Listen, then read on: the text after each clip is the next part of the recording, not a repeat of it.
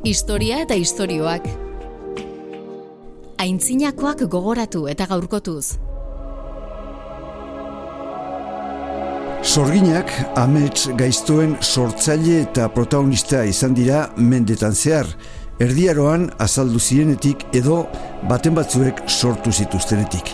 Sorginei buruz, itzein behar dugu Álvaro Aragon historia gilearekin, berak dio hasieran kontua beste bazela. Hasiera batean ez zain batere arriskutsua. Medikuntzarekin, ez, medikuntzara naturalekin lotuta zeon, baina amalo eta mausgarren mendeetan gauzak aldatu iten dira. Gioz eta gehiago lotzen da emakumezkokin, eta gaina ja kutsu negatibo bat ematen zaio. Amabosgarren mendean etorri zen aldaketa, aspaldiko jarduerak jainkoaren eta legeen aurkako portaera bihurtu zituztenean. Sortzen da batez ere liburu baten argitalpenarekin. Eta hori da Maileus Maleficarun. Mi alareun da laurita zeian argitaratzen da. Eta hor eh, sortzen dute ja irudikapen arketipiko hori ez da. Sorginak eta sorginkeriak izango ditu aztergai Álvaro Aragon, historia gilearekin batera. Historia eta istorioak Juan Josan Miguelekin. Historia, nazioartea eta giza iragana ahots hautatuen eskutik. Elkarrizketen bidez, gizakiok gaur egunera arte ekarri gaituzten bideak jorratuz. Álvaro Aragon, Euskal Herriko Unibertsitateko irakaslea da, historian doktorea eta erdi aroan aditua, gulentzulentzat ezaguna da, hemen txegon baita banduen arteko borroki buruz eh, hitz egiteko. Gaur berriz, erdi aro horretatik gaur egune arte iritsitako beste gai bat izango dugu izpide, sorginak eta ustezko sorginei botereak emandako erantzuna. Álvaro Aragon, zemuz? Kaixo. Ba, sorginak eta sorginkeriak e, Euskal Herria lotzen ditugu, baina Europa osoan bizizandako fenomena da, noiz eta zergatik sortu zen sorginen aurkako jasarpen hori? Ba, nik esango nuke, bueno, sorginak illa aintzin arotik egon dia, ezta? Eta, bueno, ba, hasiera batean gehiago egontzan fenomen hori lotuta gizonezkoei, baina erdierotik aurrera emakumezkoei lotuko zaio. Eta gaina kutsu negatibo batekin. Eta hortik aurrera hasiko da pixkat hor, e, bueno, ba, jazarpen hori ez. Gaina, kuriosa da, ze hasiera batean etzan batere arriskutsua. E, sorgintza hori, bueno, pixka bat e, medikuntzarekin, ez, medikuntzara naturalekin lotuta zeon, da, tabar, tabar. Eta beste, bestea, bueno, ba, pixkat... E, e, azti edo petrikilo, ez, itxurako horrekin lotzen zan, baina amalo eta mausgarren mendeetan gauzak aldatu iten dira. Gioz eta gehiago lotzen da emakumezkokin, eta gaina ja kutsu negatibo bat ematen zaio. E, nolaiteko sorgi, sorginkeri batera pasatzen da, sorgintza batetik sorginkeri batera. Eta kasu horretan, ba, bueno, e, deaurrekin paktu edo hitzarmen bat e, sinat, sinatzen omen da, Eta, bueno, gaina bede bo, fede kristauari muzin egit, eginez edo, edo ukatuz, ezta?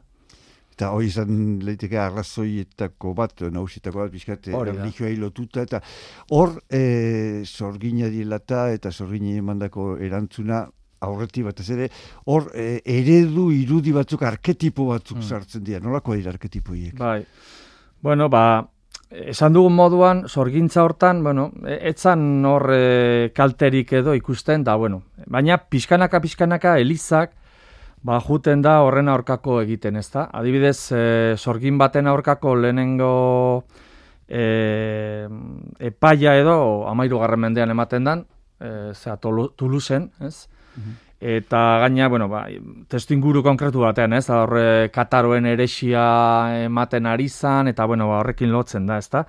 Eta gero, amalo garren mendetik aurrera ja, ba, geroz eta, bueno, kaltegarriagoa, ez, e, e, ikusten da fenomen hori. E, bueno, amaos garren mendean, hor sortuko da arketi, aipatzen genuen arketipo hori, ez, ba, bueno, be, oikoa, ez, e, ba, hori, arratzan, arrantza, erratzarekin e, egan egiten dutela, urak pozoindu, abereak e, erail, gizonezkoak ere gaixotu, eta, bueno, hor sortzen da batez ere liburu baten argitalpenarekin. Eta hori da Maileus Malefikarun. Mi alareun da lauroita zeian argitaratzen da, e, Kramer eta Sprenger izeneko dominiko batzuk e, egon dira Alemanian sorginen aurka, eta hor e, sortzen dute ja irudikapen arketipiko hori ezta. Mm. Eta gero, gurian Euskal Herrian, ba hori borobilduko da ba, Pierre de Lancrerekin, mm. eta bere obrarekin. Amairu mendea aipatu duzu, hor hasi guztia, eta hortik aurrera bizkate joan zango gortzen e, e, errepresiori. Baina urte horiek, bai amairu garren urtetik aurre, e, amairu mendetik aurrera urte zaila dira, ez? Hor dago, ba, ba, klima aldaketa bat dago, ja. ustak asko zurriagoa dira, ez guzti horrek ze lotura duz orginekin? Bai, klimatologoek deitzen diote prozesu horri, bueno, ba, otzaldi txikila, ez? Mm -hmm. Mila iruneunetik, mila sortzirun da berroita malarte. Eta hor bi goraldi ongo dira, batez ere e, amalogarren mendean, eta justu hortan gertatzen da izurrite beltza, eta horren ondoriozko ba, eraginak. Eta gero, amazazpi garren mendean, hain zuzen ere, mila bosteunda irurogei, mila seireunda hogeita amar artean. Hain zuzen ere, e, sorgin eizaren goraldian. Eta, bueno, hor ikusiko egun moduan ere, ba, horrek ere eraginak izango ditu. Besteak beste, ba hori, e, justu lehen aipatu dugun arketipo hortan, askotan esaten zan, ba, e, sorginek e, abereak akabatu egiten zituztela, ustak ere izorratu, e, jendea gaixotu, eta zuzen ere, otzaldi txiki horren ondorioz hori gertatuko da. Mm -hmm. Tarduen zango dute, kontxo hau ez da jangoikoa izango, zein ote da? Ba, gertuen dakatenan, nola, ja, judutarrak ba, kanporatuak izan diren, eta bertan ez dauden ere protestanteak edo kalbinotarrak, ba, leporatzen dizkiete sorgini. Erligioaren babesa izan daiteke arrazoia, eta aitzakia noait izateko, ba, hor gertatzen egin desgrazia guzti. Hori da, hori da. Bai, e, bueno, horri ikusten da asoziazio bat, eta erresa denez, ba, bueno, berai leporatzen dut. Mm Elizak eta agintariek eh, jarrera gorrena sorginen aurka Alemanian izan zuten, hmm. baina bueno, herrialde gehienetan antzeako ezagorriak izan dituzten, batez ere, esan duzun bezala, emakumeen aurkakoa, zeatik, zeatik hartzen dute emakume edo emakumeen bai. e, Bueno, ez da, edakizuten moduan historian zehar, eta batez ere, bueno, ba, Elizan bertan ez, e, misoginia hundila egon da, hmm konsiatzen dute eba izan zela ba, Paris paradisua galtzearen erduna, nolabait bekatuaren, ez, bekatuaren sorburua, Tardun beti oso irudi txarra izan du, ez, e, elizan eta gizartean oroar. Baina normalean ez dira emakumezko guztiak e, salatzen. Bakan batzuk, zeintzuk dira horiek? Ba, nolabait emakumezkoaren eredua betetzen ez dutenak. Zein da emakume hona gara honetan? Ba, ezkondua dagona, e, gizon baten menpean dagona, gizon e, horren emazte ona dena, bere gizona eta seme alabak ba, zaintzen dituna, mhm. etxea ere ez, zaintzen duena. Orduan, hortik kanpo geratzen den guztia, ba, arriskutsua da. Eta zeintzuk dira horiek, ba, alargunak, e, pobreak direnak, elbarrituak, ezkongabeak. Orduan, horiek nolait askeagoak dira, eta kontrolatzeko asko ze zailago. Ordu, orduan horrexegatik zentratzen dira horietan. Eta hor, e, emakume, ez da, emakume irudi hortan edo eredu hortan, oran ez hori konkretu bat zain zut, alarguna edo tal baina, zeo zer egiten zuten diferente, o ez?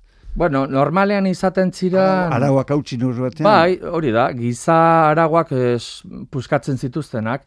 Gero, bueno, askotan ere, ba, alargundu, alarguntzen zirenez, ba, bueno, ba, askotan negozioak, salmentak ere bere e, kabuz egiten zituzten.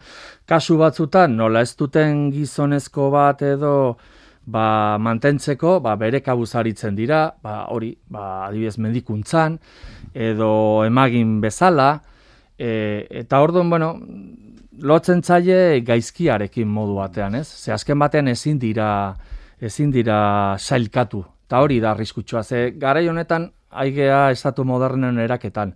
Eta estatu modernoak behar dituzte bere menpoko guztik ondo, ondo kontrolatu. Eta hortarako sortzen da ortodoxia bat, eta sortzen da ere, ikusiko dugun moduan, e, ba, beldurraren psikologia, ez? E, jendea, jende xuma kontrolatuta eukitzeko.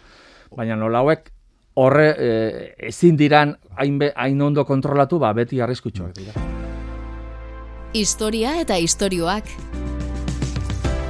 Itza, ahotsa eta soinua aztarna zahar eta berrien oihartzuna. Horra, ipatu dituzu bi aro, baina bigarrenen amazazpigarren mende hortan, mm. Europan badagolako mentalidade aldaketa bat, erlijioa biskat indarra galtzen du, horrek bai. badura gina kontuntan. Ba, bueno, e, justu hoi da horren ondorioetako bat. Mm. Hau guztia pasa ondoren, e, eta e, hogeita amar urteko gerra pasa ondoren, arrazionalismoa jungo da garatzen. Zergatik, bueno, hogeita amar urteko gerran, baizorrezko sarraskiak dira. Alemanian, Alemaneko populaketaren euneko berrogeia desagertu da. Eta orduan, bueno, jendeak ikusten du gerrak eragiten dituen astakeiak, eta nolabait, gerran kontrako, baina baita siniskeriaren aurkako, bueno, ba, mugimendu moduko bat sortzen da, eta mazazpigarren mendean ikusten dugu, ba, hori, ba, zientziaren e, iraultza gertatzen dela, ez? Ba, de, Descartes, Bacon, mm -hmm. Newton bera, eh, gara hortakoak dira. E, Europa aipatu, lehen esan du Euskal Herria, esan du e, Europan Alemani, Frantzia, baina e, kontinentatik kanpo badago, bueno, gero liburuetan da pelikuletan ben baino gehiagotan azaldu dena, estatu batuetako salen irian gertatu zen. Ze, gertatu zen salen? Bai, amazazpigarren mendearen bukaeran gertatuko da pasarte hori. Mila zerunda laroita mabi, mila zerunda laroita mairu bitartean. Eta hor, hasiko dira, bueno, ba, ba, urtxo batzuk eta neskato batzuk, e, ba, e, komunitate haietako emakumezko konkretu batzuei leporatzen hori, ba, deabrerekin gurtza iten zutela, eta ez dakiz zer. Bueno, e, horren atzian zer dago benetan, zegero mia zazpireun da iruan edo, ba, hauzitegi estatu batuetako, bueno, gara hartako ingalaterrako, ez, e, auzitegi batek egindako salaketa guztiak ez estatu ingo ditu. Ta bueno, e, hori, e, geratzen da ba ez dituztela sinisten da benetan dena asmakizun bat egon dela, neskatoiek inkluso ba, bueno, ba, ba, esaten dute benetan e, bueno, ba, presioa eraginda ba, hori salaketa horiek egin zituztela, benetan segertatu zen, bueno, pentsatu behar dugu Amerikako hortan e, koloniak hasiera batean, kolonian populaketan mm, etzeola e, koroaren parte hartzerik egon. Eta purinat, puritanoak, bueno, ba, osatzen zituzten komunitate nahiko askeak, bere kabuz aritzen zirenak, baina justu, mila zereunda laroita mabilan, e, ingalaterreko koroak e, nahi izan zuen kolonia hori Massachusetts, bere menpean jarri. Eta orduan gobernatzaile bat aukeratu zuen, eta esaten da agian horren ondorioz, e, nahi zutela komunitate horiek nolabait e, edo komunitate horien kontrakoa lausotu edo apurtu. Mm. Eta horri segatik, bueno, ba, sinistarazi zituzten ba salaketa horiek eta horietan zudela sorginak eta bizkat hori da hori da ba, nolabait erregaren eskua sartzeko mm. E, Euskal Herria etorrita, balenda izi lapurdia jo behar dugu, eta mazazpigarren mende hortan gaude, mila zirunda beratziko ba, epeketa famatura, eta horren hasieran ba, inkizidore bat oso oso ezaguna egin zen, Pierre de Lancre, nik ustut, e, mundu guztiak ezautzen duela, bentsat, inoiz entzun duela izen hori, ba, zein zen eta zeati zen hain ezagun da garrantzitsu. Kuriosea da, ze bera bordelen jaio zen, bara, baina bere aitona euskalduna zen lapurdikoa. Mm -hmm. zera, jutxikoa edo jutxuekoa. Eta, bueno, bea zan e, bordelekoa, esan dugun moduan, iritarra, eta orduan, e, gara hortan lapurdi bordeleko hau zitegian menpezegon, eta orduan bihal intzuten mia zirunda betzin, ba, bueno, ze susmoak zeuden, edo esamesak zeuden, ba, han bertan e, sorginak zeudela. Tardun, ara aiatu zanean, ba, bueno, pixkat harrituta geratu zan, ze, karo, bea aiatu zanean, gizonezkorik etzeon, denak ternuan zeuden. Tardun, e, etxearen eta lurraren e, ardura emakumezkoen eskuetan gerat, geratzen zen. Mm. Orduan, entzat hori sinez gaitza zen. Karo, etxo, ez zitzaion buruan sartzen nola gizarte batean gertaziteken horrelakorik. Ze beraren ere, gaina, bea, elizatik etorrita eta bar, ba, hori ezin zen, ez? Gizonezko e, gizonezko men, menperi gabeko emakumezkoak ezintzian existitu. Mm Eta hori gertatu zen azken batean, horren atzian ikusi dezakegu e, bi ere, kultur ereduen talka bat. Mm Eredu iritarra eta eredu landatarra. Iritarra, kasu honetan frantsesa, ikusiko dugu zu, zugarra murdiren kasua gaztelarra, eta landatarra ba, euskalduna. Ziaro ezberdina, e, kasu batean ba, gizarte hierarkizatu bat, non gizonezko indarrondi duten, eta beste aldean, ba, bueno, komunitarioagoa den gizarte bat, ia hierarkizatu gabekoa, non gaina gehintxoenak kapariak dira, hau da berdinak dira. Tordun, horrek e, izuarrizko talka sortu mm. zuen. Mm. Iparraldean, eta lapurdin, bueno, gizonezkoen gehiengoa arrantzuan, e, terrano, ternuara joan da dago, emakumeak dira, norri batean, ba, ba, ura antolatu eta eta kudeatzen dutenak hori da arrazoia, e, hortik sortzen da, ze, zein da itzakia hor, ze, zerke pizten du? Bueno, egila da, e, garai honetan, Euskal Herriko zenbait e, kokagun eta zenbait leku, guandikan oso gutxi, zango genuke oso, oso gutxi kristaututa zeudela, edo mm. mm kristautasuna, nasketa bat e, zan mhm. paganismo eta krist, e, zera, idei kristauen artean. Mm gaina kontutan eki berdugu, mesak latinez ematen zirela oraindik. Orduan, jendeak ez zuen tutik bulertzen. Askotan, ba, bertako apaizek bere kabuz ikasitako gauzak ba, transmitiatzen zituzten, baina, bueno, zien nasketa bat, ez? Eta orduan, karo, pentsa urte hauetan Trentoko kontzilioa gertatzen dela ze, bueno, erreforma protestantia gertatu da, eta orduan, Trenton hartzen den neurre, neurrietako bat ikusita ze maila dogmatiko basua dagon, bai sinislen eta bai apaizen artean izango da. Izango dira bi gauza. Alde batetik e, mintegia sortuko dira, ezitzeko apaisak, eta bestetik katixima. Eta hortarako gaina, gara honetan bai iparraldean eta bai egoldean, e, argitaratuko dira zenbait liburu euskera, euskeraz jarriz. Nola baite, e, ba, sinislei eta paisei hobeto gerturatzeko, ez, e, transmitutut nahi dan dogma. Orduan, horra arazoa da, gehien bada hori, ba, dogma, elizak nahi, e, e, e, sarri nahi duen dogma, eta errealitatearen artean, e, bueno, ba, tarte ondila dagoela benetan. Eta hori nola itezateko, ba, ez dakit, e, hori zigortu behar da, edo hori erakutsi behar zaie, bai, hori da, hori, azken batean paganismoa, zan, bueno, ba, askotan naturarekin lotutako siniskeriak, E, dakizuten moduan ere, gaur egungo, gaur egun ere ospatzen ditugun festak, e, bueno, ba, garai batean paganoak ziren, eta kristautu intzian, San Juan Txua, Gabonak, ez, solstizioak.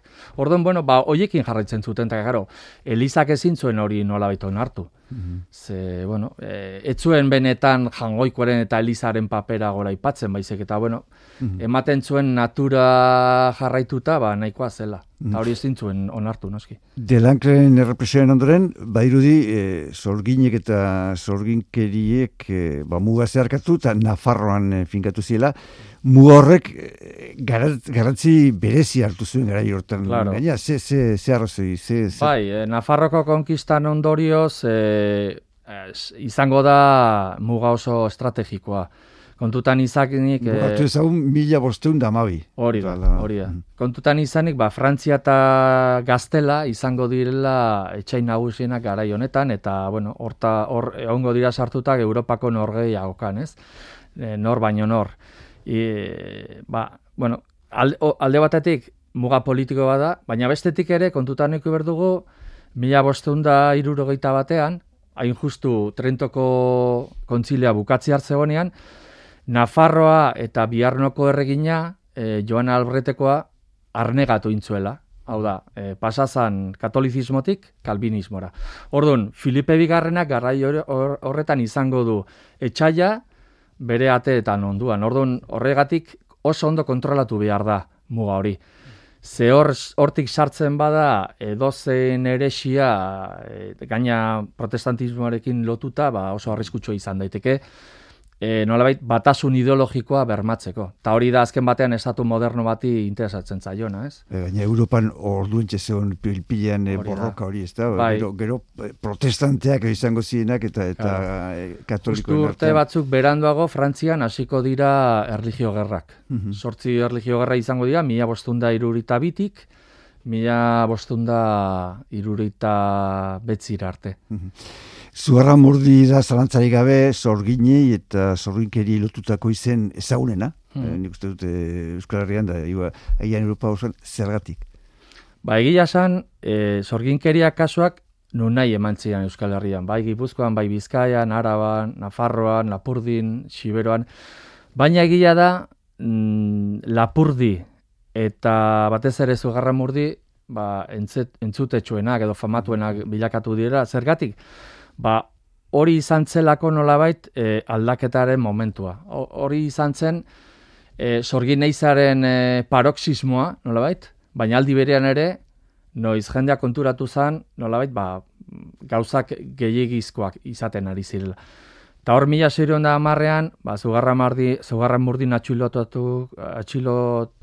atxilotutakoak ba, hauzipetu ingo ituzte, autofede famatu bat gertatuko da, ia hogei mila pertsona ongo dira horre logroñon ikusten, eta, bueno, batzuk akusatuak izan zian, batzuk askatuak, e, beste batzuk erailak, eta agian horre segatik da, ez? E, inkluso bakigu, ba, bueno, garaiko artistek e, ba, marrazkiak eta egin zituzten, da, bueno, pixkat, e, zango genukez, gaur egun ere egunkariek aterako luketen notizia izan e, ditzakela, eta e, paiketa horrek izan dago tamaino ati beste beste. Bai, bai. Beste jende eta inbeste... Eta gaina eredugarri e, sort, bueno, bilakatu izan zuten. Hori da. Mm -hmm. Zorginen aurka apaiz askok eta batez ere Nafarroako hainbat erretorek izan dako portaerak ere azpimarratu izan duira, mm. basalaketak egiterako orduan, Nafarroan zorginen kontrako jarduera kutsu politiko ere izan omen zuen eta horre apaizek eta bai. parte hartu zen hori horrela alda. Bai, e, kont, lehen aipatu dugu ez estatu modernoek e, nahi dutela nola baite bere menpe jende auki, eta hortarako alde batetik ortodoxia bermatzeko ba, bildurraren psikologia mm zabaldu zuela. Eta hortarako Espainiaren kasuan oso tresna erabilgarria izan zuten, da hori inkisizioa da. E, gaina inkisizioak oso ondo aritzen zen, ze ez zuen bakarrik bere kabuz aritzen, baizik eta tokian toki izaten zituen bere ordezkariak. Eta gaina gero auzuipetuak behar ez zituen e, akatzen edo ez zituen, e, baizik eta hori izaten zian normalean e, erakunde zibilak. Orduan, askotan, e, inkizizioen ordezkariak tokian toki izango dira bertako jauntxoak. Eta bertako jauntxoak dira azken batean ere estatu modernoaren e, ortodoxia eta eta bueno, aurrera ematen diren neurri hoien e, bueno, ba, praktikan jartzen dituztenak. Mm. Baina aldi berean ere bere interesak bermatzen dituzte. Ta kasu honetan, zugarren mordi aipatzen genuen, e, urdazubikun monastegiaren abadea izango da ba, e, nolabait kasu egingo diet, diena e, bueno, ba, justu zugarra murdin neskato batzuek egindako salaketei. Bea editu zion inkisizioari eta inkisizioa ba, zugarra murdi e, etorri zen eta orduan prozesu guztia e, hasi zen. Zeintzan e, abadearen interesa? Bueno, abadea jaun eklesiastiko moduan aritzen zen, bai ainoan, bai zugarra murdin urdazuin, eta nahi zien e, bertakoei zerga gehiago kobratu. Ez hori bakarrik, amasei garren mendetik e, bastango aranarekin hauzi batean sartuta zeon. Orduan, tartean ere herri lurren erabilpena dago jokoan. Mm -hmm. Ta orduan, leno salenen kasuan esan du moduan hemen ere, ba, abadearen e, naia zan nolabait komunitate horren sendotasuna apurtzea. Mhm. Berak gero, ba, bueno, ba, bere jaun jaurgo areagotzeko. Historia eta istorioak. Hitza, hotsa eta soinua. Logroñoko epeketa ipatu duzu, oain apaizen e, jokaera hori, eta jauntxoena, eta tartean dago, claro, epaiketa hauetan eta prozesu guzti hauetan, askotan gertatzen, epaitutakoak etzekiten e, zer gazteleraz, bakarrik euskaraz egiten, epailek eta e, ba, ikizidorek etzekiten euskaraz, eta e, ezin zituzten, e, ba, etzekite, ulertara zi gauzasko, ze, ze, ze giro sortzen zen hor? Ba, pentsa dezakegun moduan, e, izuarrizko nahaztea, ze, karo, e, inkizidorek eta epaimaikoek ez, ez zuten euskera ulertzen, orduan, behartzuten itzultzaile bat, baina itzultzaile hori normalen izaten zen bere e, muineko bat, orduan, karo, nola interpretatzen zituen lekukotasunak. Mm Orduan, nik pentsatzen dut, eta bueno, badakigu ze hori gero testingatzetan ikusten da, ba, informazio asko galtzen zan, e, informazio asko ere nahastu eta aldatu iten zan, bere interesarako, eta orduan, karo, pentsazazu gaina, bueno, jende, jende hori ez, pobreak zirenak askotan, e, gaina nola antzestentzian e, ere juizioak eta ipaketak, ba, bueno, ba, izuarrizko bildurra eukiko zutela, gaina torturatuak izaten ziren aurretik, orduan, bueno, ba, panorama ikaragarri izan bertzu, no? Bildurgarria bintzen. Bai, bai. Eta eh, azkenean jendeak, bai e, zera, lekukoek eta beste guztik, askotan seguro sinisten zutela e, sorginak zeudela. Naiz eta benetan jakin, bueno, ba, betiko oiturak zirela eta barrekoak, baina. E, inkizitoren artean dena den guztiak ez ziren e, ba, ez da, lankre eta hau bezalakoak, ez da, humanista batzuk ere azaltzen zaizkigu, eta gian ezagunena Alonso de Salazari fria ez da, e, zein zen hau eta ze, zer egin zuen honek? Hau, e, hemen egontzan, zogarra murdin egontzan, pixka bate ikusten, ez, e, bueno, ba, egiaztatzen, e, salaketak eta bar, eta beha, hasieratik ja ikusi zuen, horretze hola benetan e, sorginkeririk, eta kasu askotan ere salaketak izaten ziela auzokoen artekoak, ez? Ba, jeloskortasunak, e, auzokoen arteko ikamikak, eta beak etzizkien e, ardura gehiagi edo garrantzia hondiri eman. Eta gero, hauzian, e, autofedean, e, logroñon hiru epaimai egon ziren, eta hau izan zen haietako bat. Eta bea beti e, ez estatu egin zituen e, hauek berdinetan sorginak zirena. Beak esan dako e, izaldi bat aipatzen da askotan, eta beak esan zuen, etziela sorginak existitu haietaz itzegin arte. Mm -hmm. Osa, sorginak zeudela esaten, orduan jendia, ez, e, histeria batean sartu zen, eta sinistu zuen benetan. Txosten bat egin zuen, nola baite prozesu guzti hori ba ez estatuz eta pixka kritikatuz ere, eta horri esker, mila zeireun da amazazpian, e, ezarri zan isiltasun ediktua. Mhm. Eta handik aurrera, jaetzian horrelako autofedeak berriro eman. Salaketak egon zian, emezortzi garren mendean zer, baina ja, etzian sinisten, benetan. Ordu esan genezake, de lankrek markatu zuela marra bat eta zalazarrek eh, bai, bestia, beste ez da, alde batik bai. Eh, bestira. Esan dugu, ba, sorginen aurkako jasarpena, Europako iparradean hasi zela, eta kroniko diote esateratako, Frantzian eta batez ere Alemanian jasarpen hori, hmm. ba, Euskal Herrian Espainian, baina askoz ere gogorragoa izan zela. Bai. Ez dakit, leku bakuitzean ez da berinak izan zitu, nola da kontu? Bueno, gutxi gora bera ideiak eta eta jarrerak berdin, berdintxoak izan zian Egila da zenbait lekutan odoltxoagoa izan izan zela sorgin eiza hori. E, guain dela gutxi argitaratu den lan batean, e, Pierre e, Porretek, e, bai, Porretek e, aipatzen du gutxi gora bera auzipetuak izan zila eun mila pertsona, eta irurogei mila edo esekutatuak. Eta... Alemanin. Ez, ez, ez, Europa osoan. Europa osoan. Baina egila da, Alemanian e, izan zire e, hogeita mar mila esekuzio. E, horre, horrekin konparatzeko, ba, Suitzan amar mila, Polonian amar mila, Eskandinavian bi mila, Britania handian bi mila eta bosteun, Frantzian lau mila, eta e, Mediterraneo aldean, hau da, Italia, Portugal eta Espainian, bakarrik bosteun izan ziren esekutatuak. Orduan, a ber, da. Esekuzio guztiak berdinak dira, ez da? Ez dugu, mm ez dugu inkisizioaren alde egingo, baina bueno, e, egila da odultsuagoak ere egon zirela. Mm Zorginen aurkako politiko edo politika honek, ez da egit, ze ondo izan zuen Euskal Herrian, ez ba, harremanetan, gizarte barruko, ez da egit, harreman horietan, bestearekiko jarreran, ez da egit, bai, landa munduko komunitate horiek apurtu intzian ziaro.